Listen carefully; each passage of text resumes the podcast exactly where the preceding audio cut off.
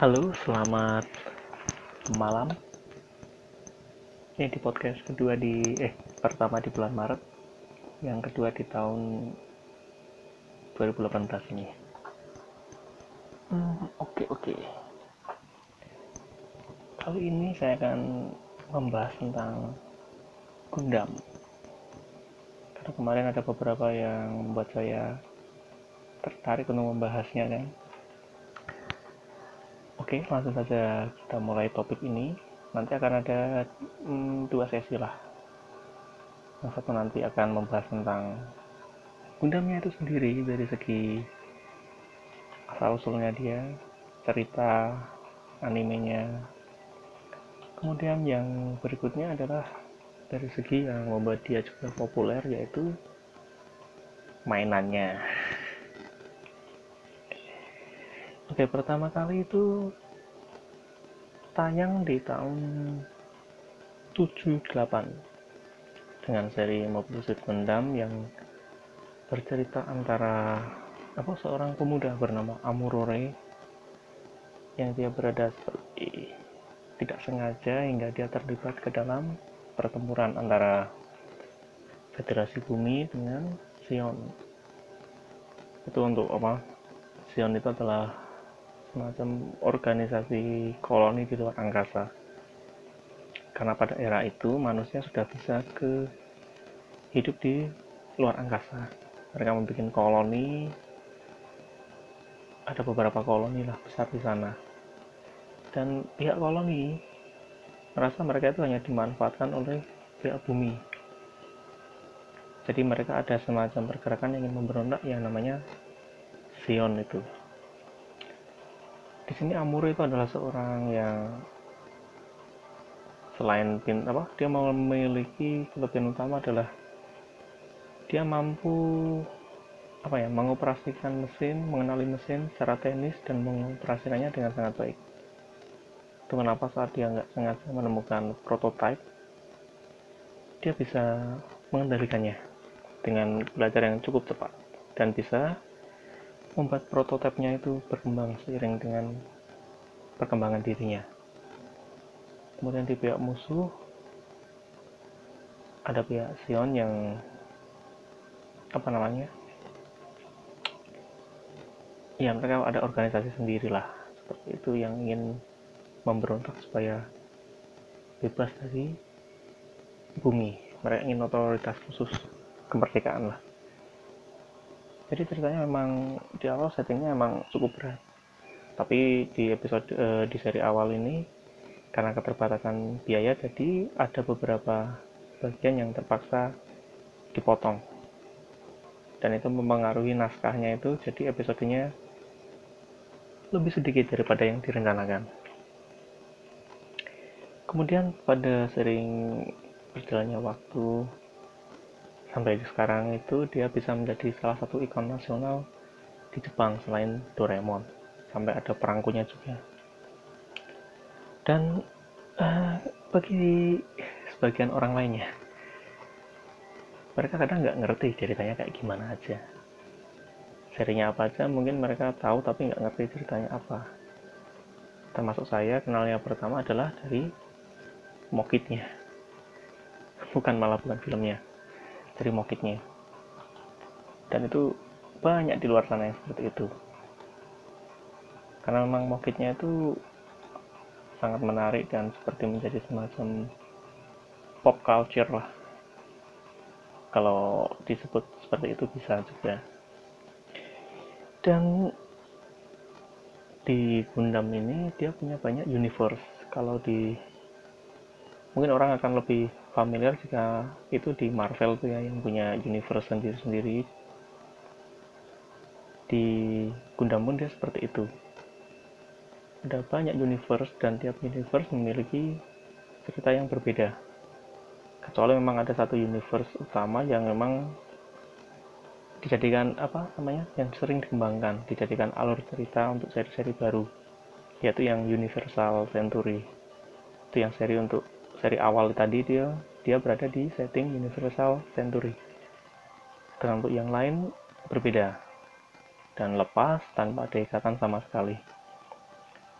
di satu sisi hal seperti ini menguntungkan para kreatornya untuk membuat cerita yang terlepas nggak perlu pusing memikirkan antara kontinuitas dari seri-seri sebelumnya dan saat mereka ingin menciptakan seri yang berkesinambungan mereka balik aja ke Universal Century.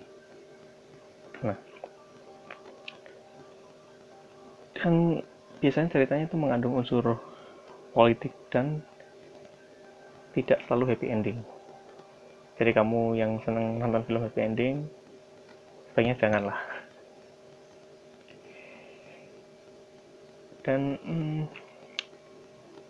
beberapa universe-nya itu banyak sekali kan banyak sekali. Itu ada yang utama adalah Universal Century. Itu ya itu tadi saat apa saat manusia sudah bisa hidup di luar angkasa dan intinya adalah pihak eh, koloni di luar angkasa disebut sebagai spacenoid ingin merdeka dari bumi. Itu inti utama ceritanya terus kemudian ada juga yang seri seri yang lepas ya. Yang selain UC tadi Universal Century itu seperti God Gundam. Itu dia berada pada timeline Fighting Century. Pada masa ini setiap negara setiap dalam jangka waktu tertentu mengirimkan wakilnya untuk bertarung satu sama lain dan pemenangnya menjadi pemimpin dalam jangka waktu tertentu. Jadi ini malah seperti uh, genrenya seperti genre fighting lah pertempuran pendekar-pendekar.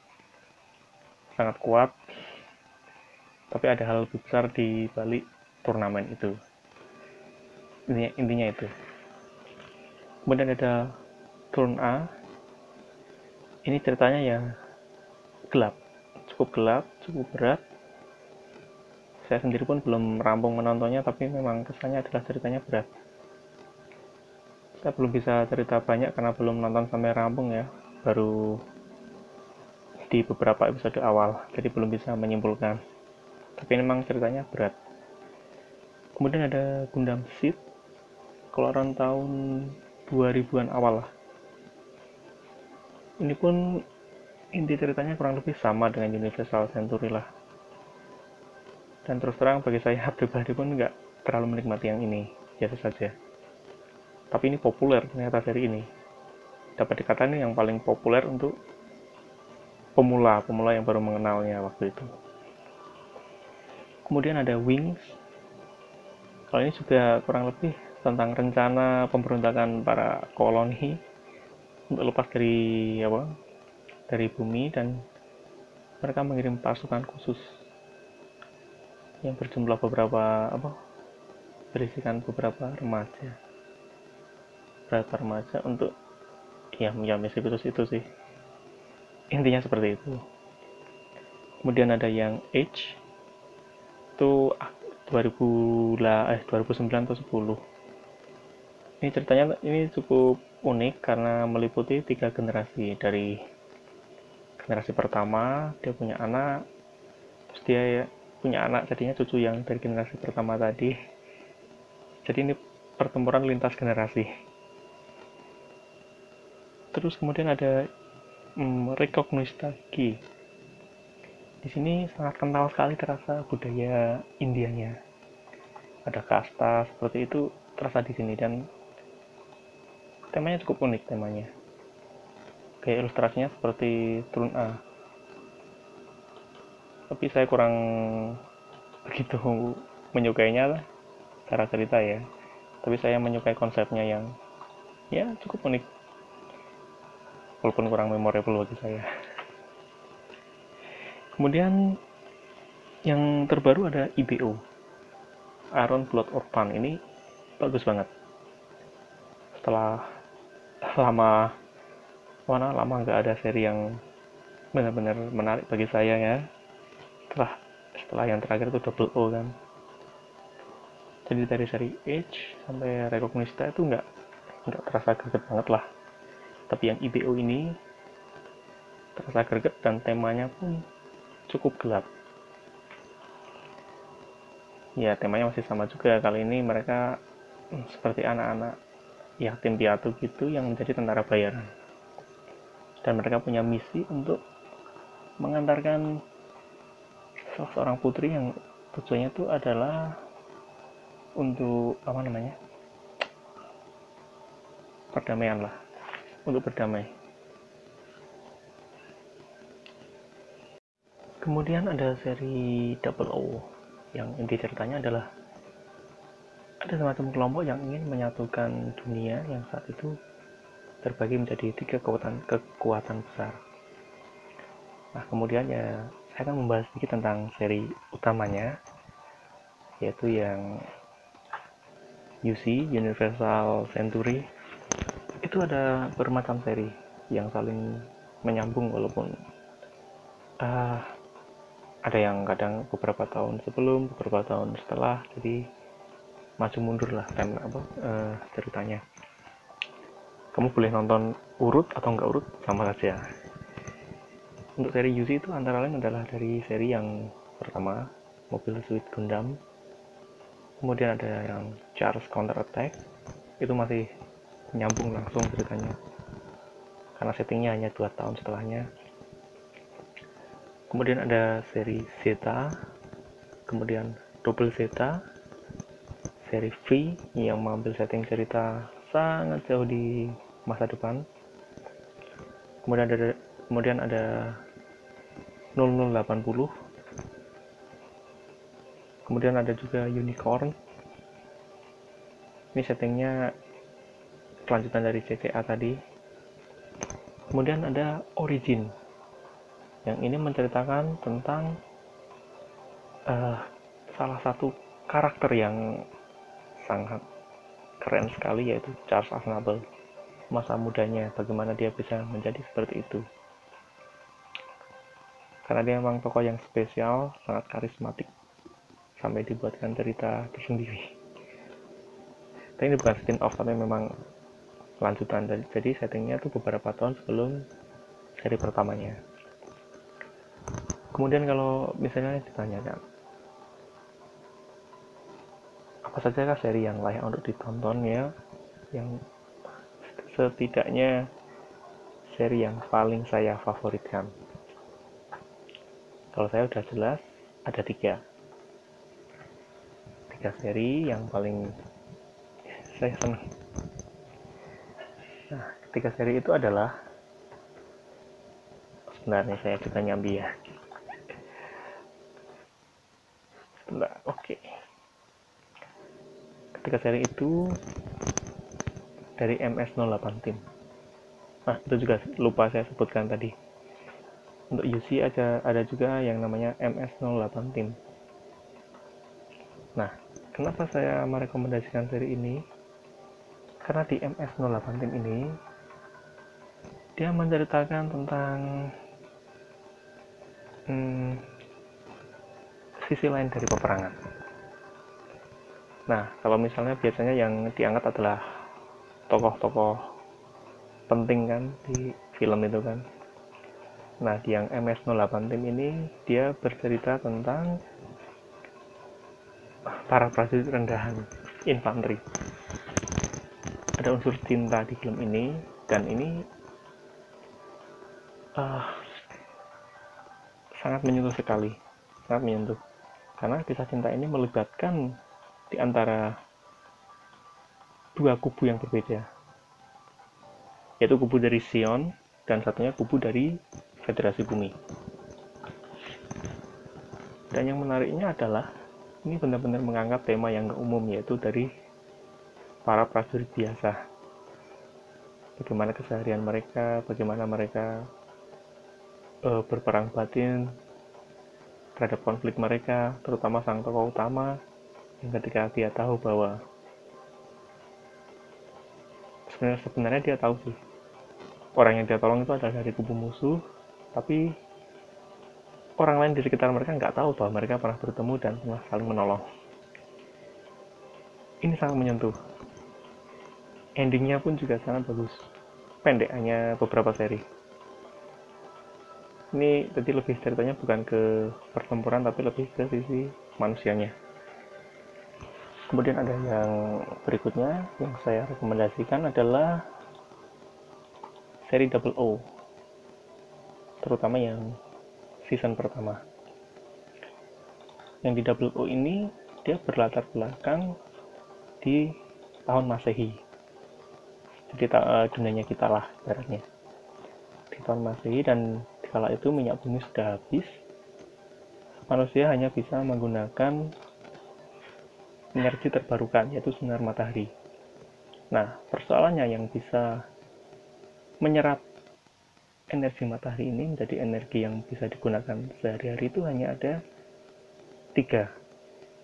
Tiga uh, tiga tempat lah. Yang masing-masing ini dikuasai oleh satu kekuatan besar.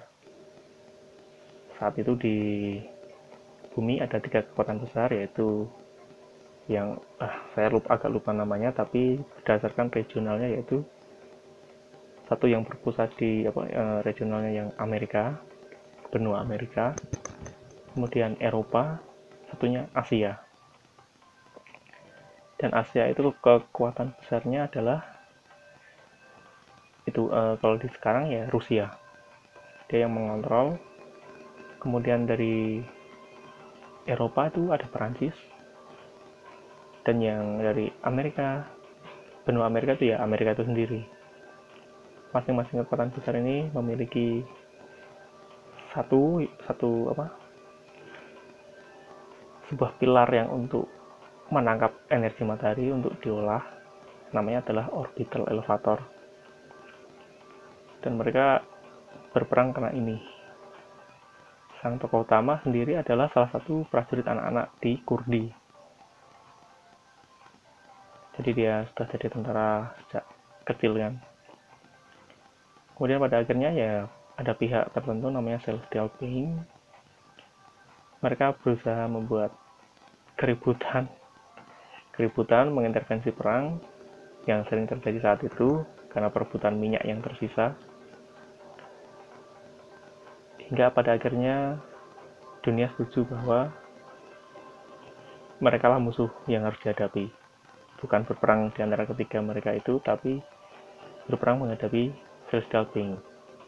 Nah, di sini ternyata emang sudah direncanakan oleh mastermind pendirinya bahwa dia ingin menyatukan dunia dengan cara seperti itu. Karena musuh dari musuhmu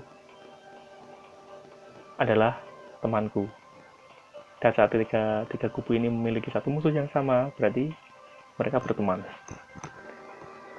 Kemudian yang terakhir adalah CTA Charles Counter Attack. Itu mini seri eh, pendek sih hanya mungkin 2-3 jam lah 2 jam lah.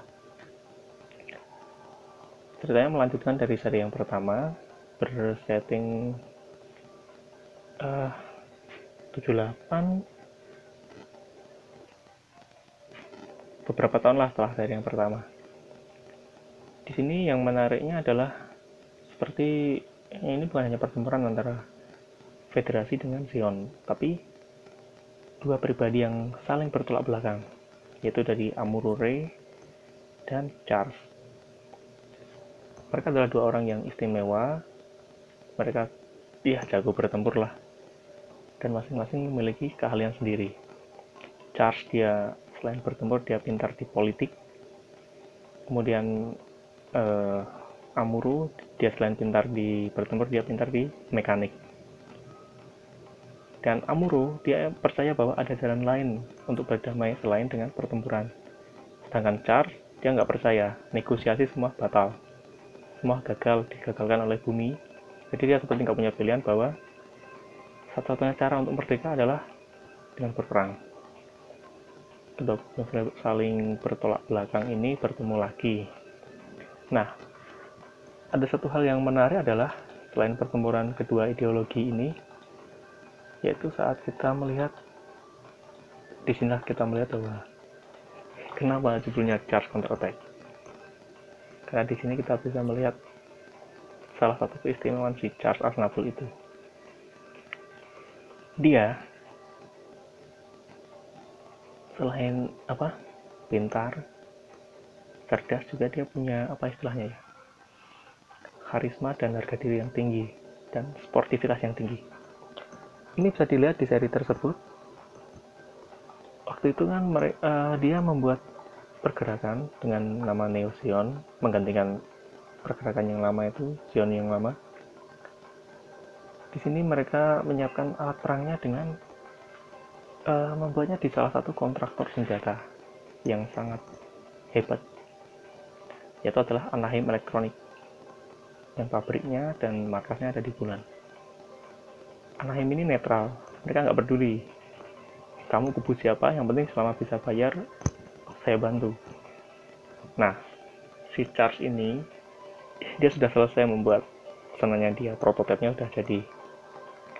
Saat dia tahu Amuro terlibat dalam pertempuran, dia secara dalam tanda kutip sengaja memberikan rancangan desain dari apa yang dia pesan yaitu Sasabi supaya bocor ke pihak Amuro. Dari situ Amuro yang dia sudah menyiapkan uh, robot rancangannya sendiri, RX93 itu, dia menjadi mendapatkan materi tambahan untuk menyempurnakannya. Jadi emang Amuro itu kelebihan di teknis, dia bisa membuat sendiri rancangannya. Dan ya dia pun memasangnya juga di Anaheim juga si Amuro itu jadi itu seperti si Charles merasa bahwa dia ingin bertarung secara adil dan imbang itu kenapa dia membocorkan rancangannya kepada pihak Amuro supaya bisa terjadi pertempuran yang imbang dia ingin membantu. Karena kalau tidak dibantu akan lama jadinya. Jadi dia ingin mempercepatnya. Itulah salah satu menariknya dia adalah jiwa kesatrianya itu. Iya. Keren lah emang keren keren. Oke. Saya break dulu kan ini sekarang saya akan nanti akan membahas tentang mokitnya tapi kan dari segi cerita saya pause dulu Nah, kali ini saya akan membahas tentang sisi lainnya yaitu adalah mokitnya. Nah, di mokit ini makin lama itu makin kompleks dan detail. Bahkan untuk lini yang sama. Makin detail dan ini pun terbagi menjadi dua segmen utama. Berdasarkan usia yaitu yang anak-anak 7 tahun dan yang remaja ke atas 14 atau 15 tahun. Saya agak lupa. Perbedaannya dia apa?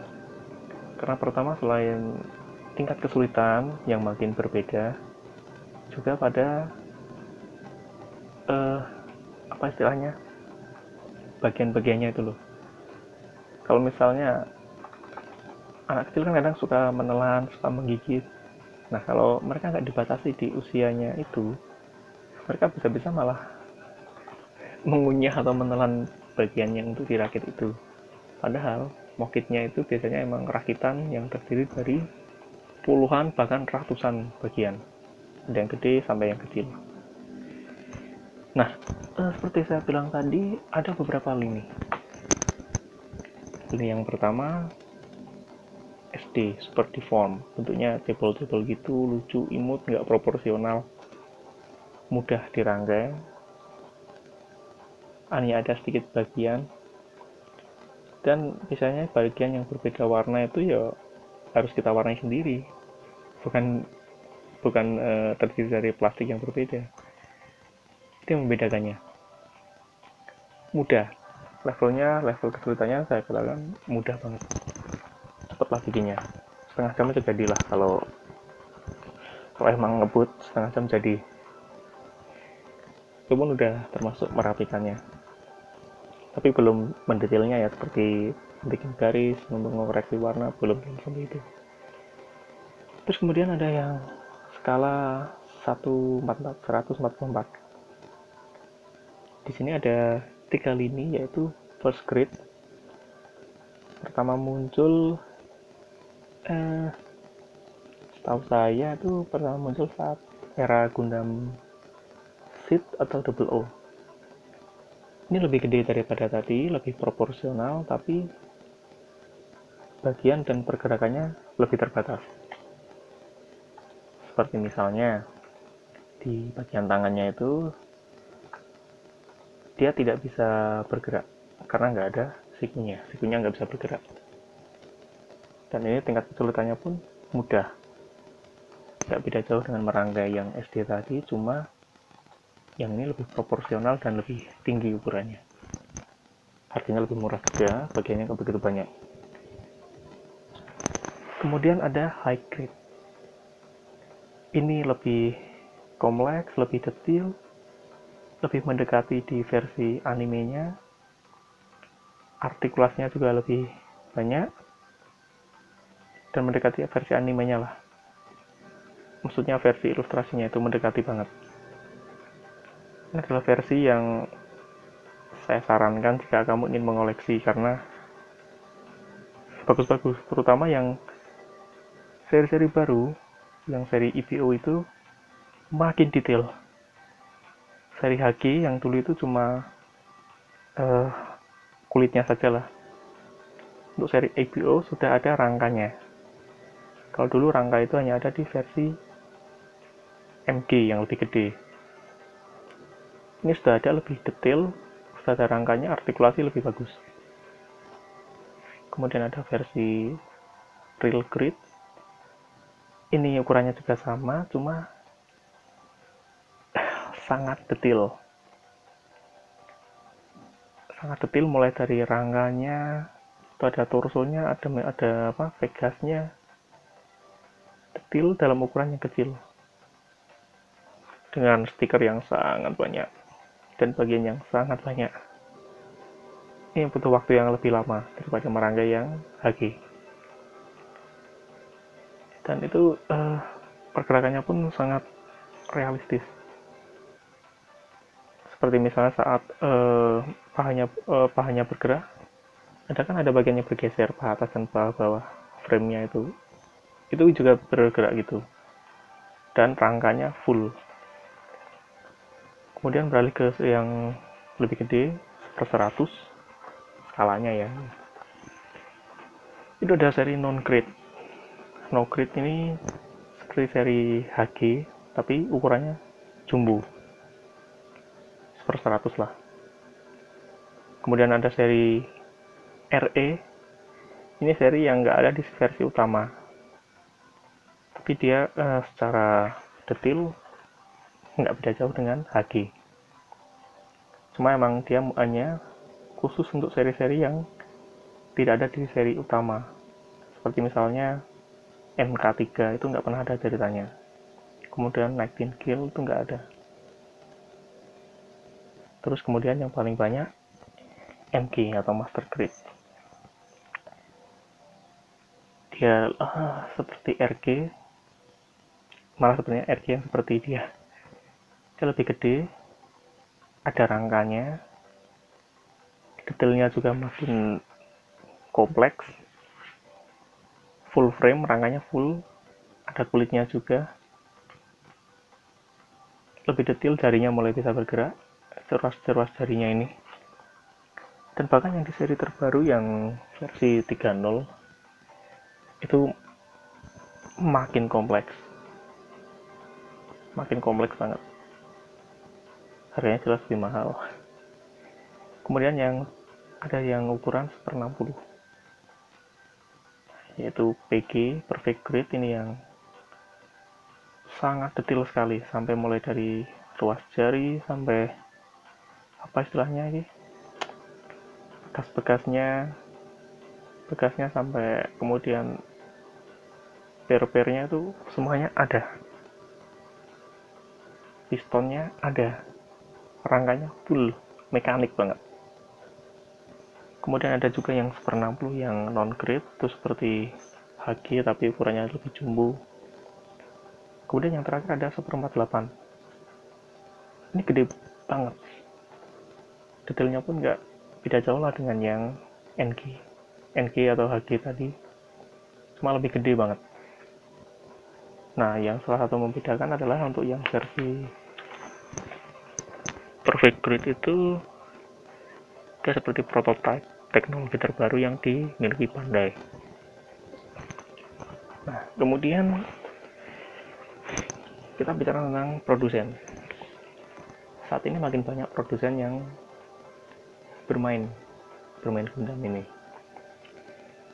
Tapi tentu saja kita harus menyebut yang resmi yaitu Bandai. Bandai ini adalah yang resmi. Apakah dia mereka yang terbaik? Secara bahan? Iya mereka yang terbaik. Tapi secara desain nanti dulu. Yang pasti mereka adalah yang paling resmi. Mereka tuh uh, kitnya tuh cirinya adalah resmi ya resmi sesuai animenya. Bagus desain awalnya. Kemudian plastiknya empuk enak. Dan snapfitnya pun enak juga jarang lah yang bermasalah lah. Pokoknya enak lah. Pakai bandai itu enak mudah nyaman.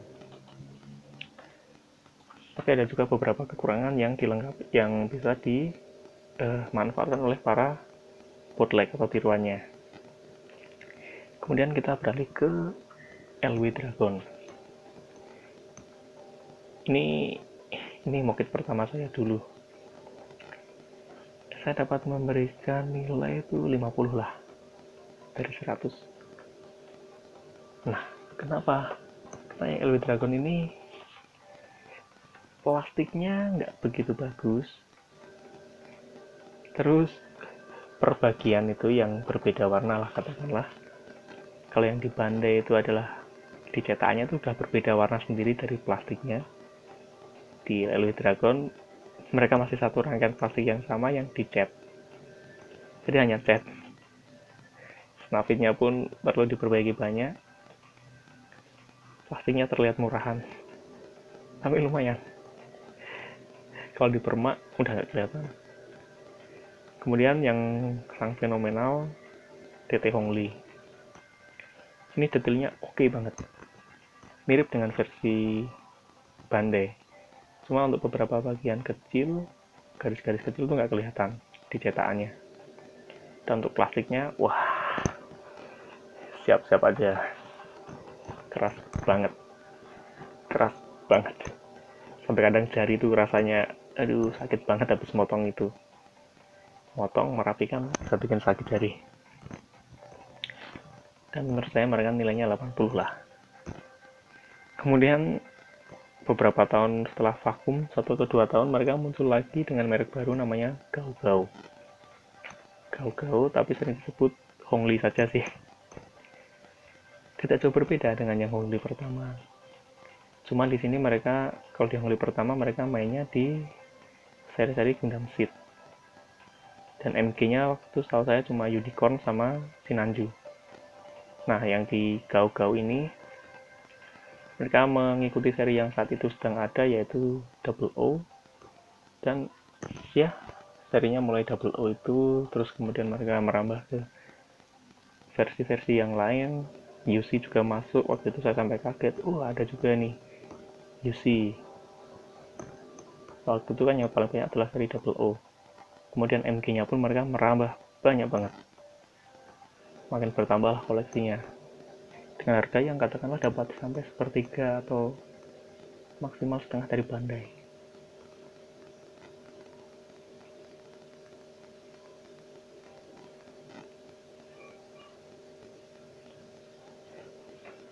Kemudian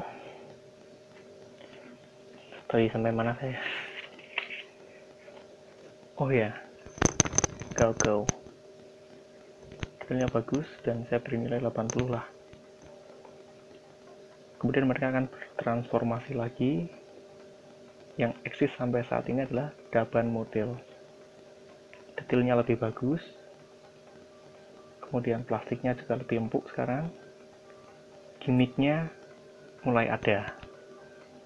Seperti mereka kadang memberikan bonus bagian tambahan atau mereka mengambil dari versi resin yang biasanya lebih detail dan lebih eksploratif.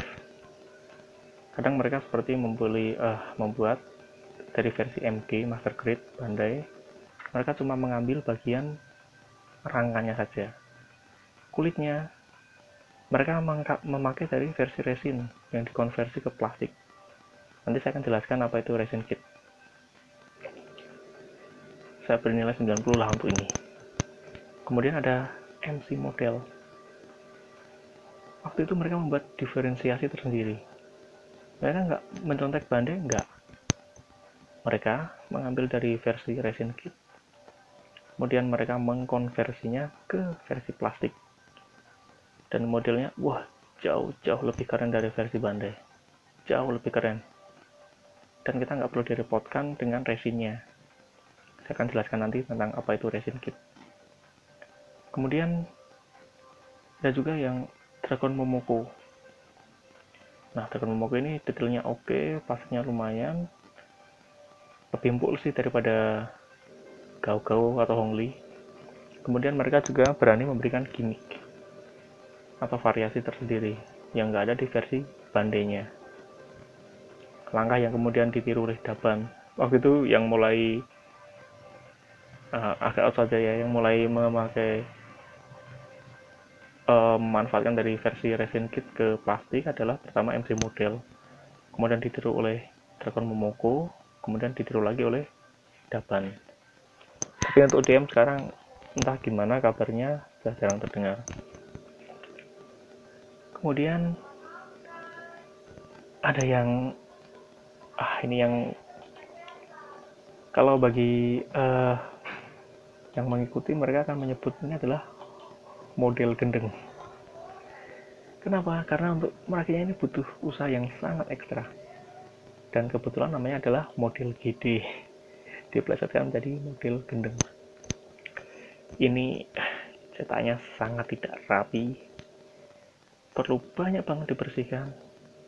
Plastiknya rapuh, semrawut, ringkih. Kemudian snapfitnya kurang mudah copot. Bahkan salah satu reviewer luar dia pernah membeli model GD yang PG Strike. Itu keren banget aslinya. Tapi dia sampai bilang frustasi 30 menit dia butuhkan hanya untuk membuat satu pose. Bukan karena dia bingung mau berpose seperti apa tapi karena copot terus. Namanya model gendang kemudian ada saya agak lupa namanya tapi dia berusaha meniru RG dengan variasi yang dia miliki sendiri nggak mengcopy langsung. Tapi kata teman saya itu yang dia pernah beli itu ah plastiknya nggak begitu bagus. Kemudian ringkih juga. Nggak puas lah nggak memuaskan lah. Nah terus yang terakhir saya ingin membicarakan tentang yang resin kit tadi. Resin kit ini biasanya dibuat oleh individu atau komunitas bukan oleh bandai Bandai ada sendiri mereknya, saya lupa tadi. Nah, kelebihan Resin Kit ini adalah dia lebih detail. Mereka lebih berani mengeksplorasi, nggak terpaku pada desain dasar dari animenya. Detailnya lebih kompleks, dan kadang mereka hanya bagian tertentu, kadang juga full, full body. Maksudnya seperti ini, saat bagian tertentu, seperti itu tadi, mereka rangka dalamnya mengambil punya bandai tapi mereka hanya membuat kulit luarnya saja. Ada juga yang full yang tidak dikeluarkan oleh bandai mereka bikin duluan. Bikin duluan. Tapi resin kit ini uh, tidak saya sarankan untuk pemula. Nggak saya sarankan untuk pemula. Dan kalau kamu nggak telaten karena ini butuh treatment yang amat sangat khusus. Misal dari pertama kita beli bagaimana kita harus merendamnya dulu ke air sabun supaya residunya itu hilang? Kemudian kita mengamplasnya kemudian kita kasih primer cat dasarnya. Baru kita, kita kasih cat.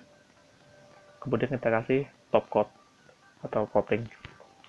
Nah kadang resin kit ini bahannya sangat rentan bisa mudah patah daripada plastik dan kadang itu banyak hal yang harus diperbaiki misalnya seperti snap fitnya merapikannya.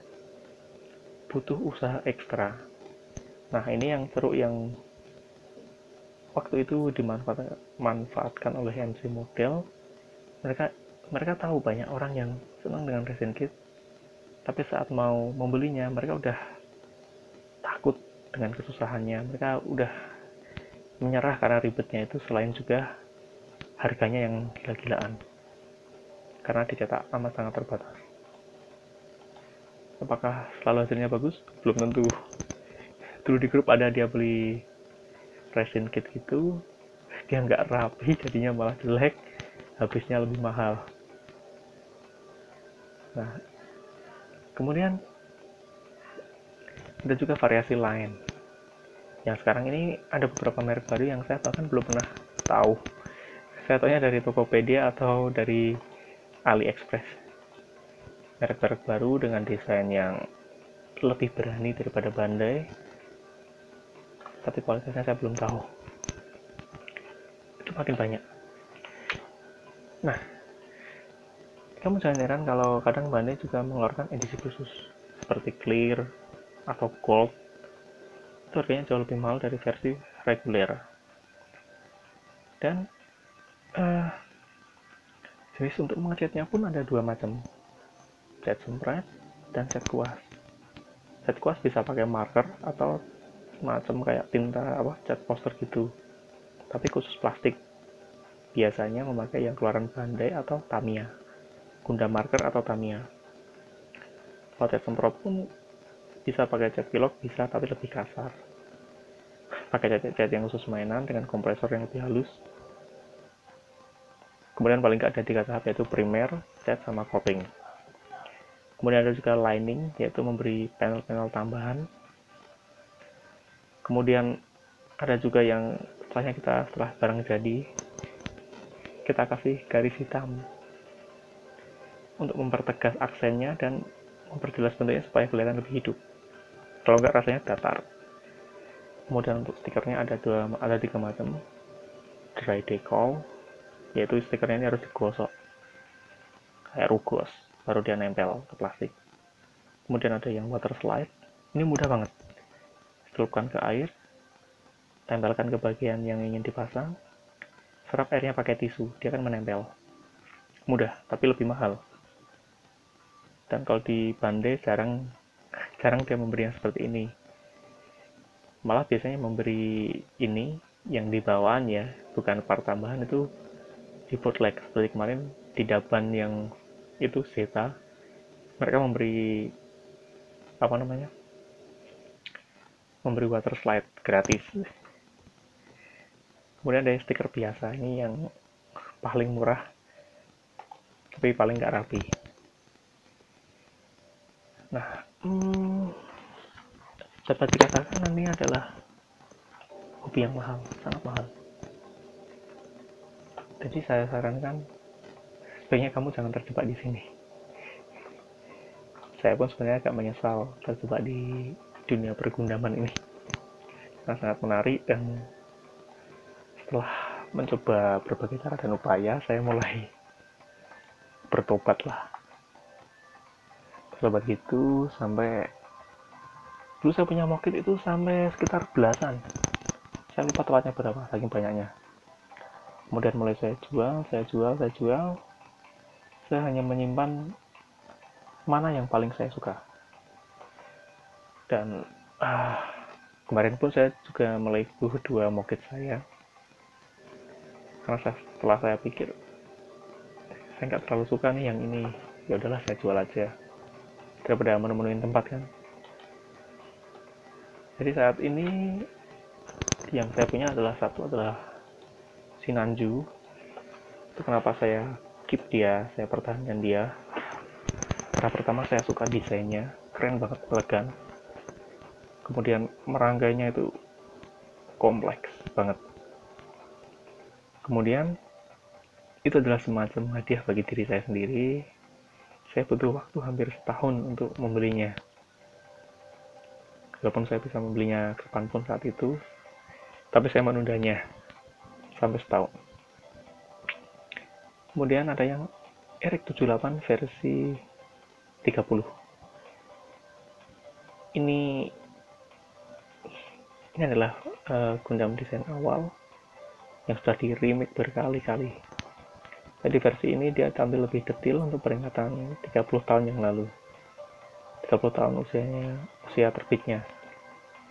Kemudian dengan desain yang sama ini diadaptasikan ke model lain seperti real grade tentu saja tentu saja lebih detail. Saya hanya punya HG nya kemudian ke versi MG30 lebih detail juga tapi desain dasarnya sama. Kemudian ini yang paling saya idolakan. Yaitu adalah RX93 yang versi MC model. Kenapa saya suka karena desain dasarnya udah unik. Kemudian yang di versi MC model uh, mereka mengambil dari versi racing yang jelas jauh lebih detail. Keren banget. Kemudian yang kedua adalah musuhnya yaitu Sasabi Haki. Ini saya pakai yang Haki yang standar lah standar pandai bentuknya seperti itu. Cuma saya kasih tambahan garis-garis sendiri saya kerok pakai cutter ya ini saya karena saya pikir harus berpasangan lah mereka berdua.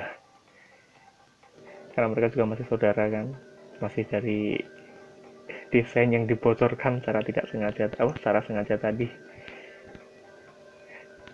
Kemudian kalau ini berlanjut kan dia si Sasabi ini menjadi Sinanju itu tadi desainnya. X93 dia menjadi unicorn. Kemarin saya dapat unicorn dari teman saya yang kemudian saya jual karena keren sih sebenarnya keren dan gede ukurannya. Bisa mencapai 22 cm cuma artikulasinya tuh sangat ah, sangat kaku sekali. Emang emang desainnya seperti itu nggak bisa kita protes bagaimana memang desainnya seperti itu. Bahkan saya sampai harus memotong kaki belakangnya lututnya saya bisa menekuk 90 derajat. Kemudian ya itu saya sih. Yang yang saya simpan hanya tadi. Yang Sinanju, Sasabi, RX93 sama RX78 yang saya lepas kemarin adalah yang Unicorn. Unicorn musuhnya Sinanju kemudian yang Astre Blue Frame. Kayak yang Blue Frame ini saya beli hanya karena saya senang dengan detailnya. Detail dan artikulasinya sangat-sangat luas. Cuma emang ini bukan favorit saya lah sebenarnya hanya ikut-ikutan terus saya lepas. Terus kemudian saya kemarin belanja lagi secara nggak sengaja yang MG Zeta yang versi resin kit.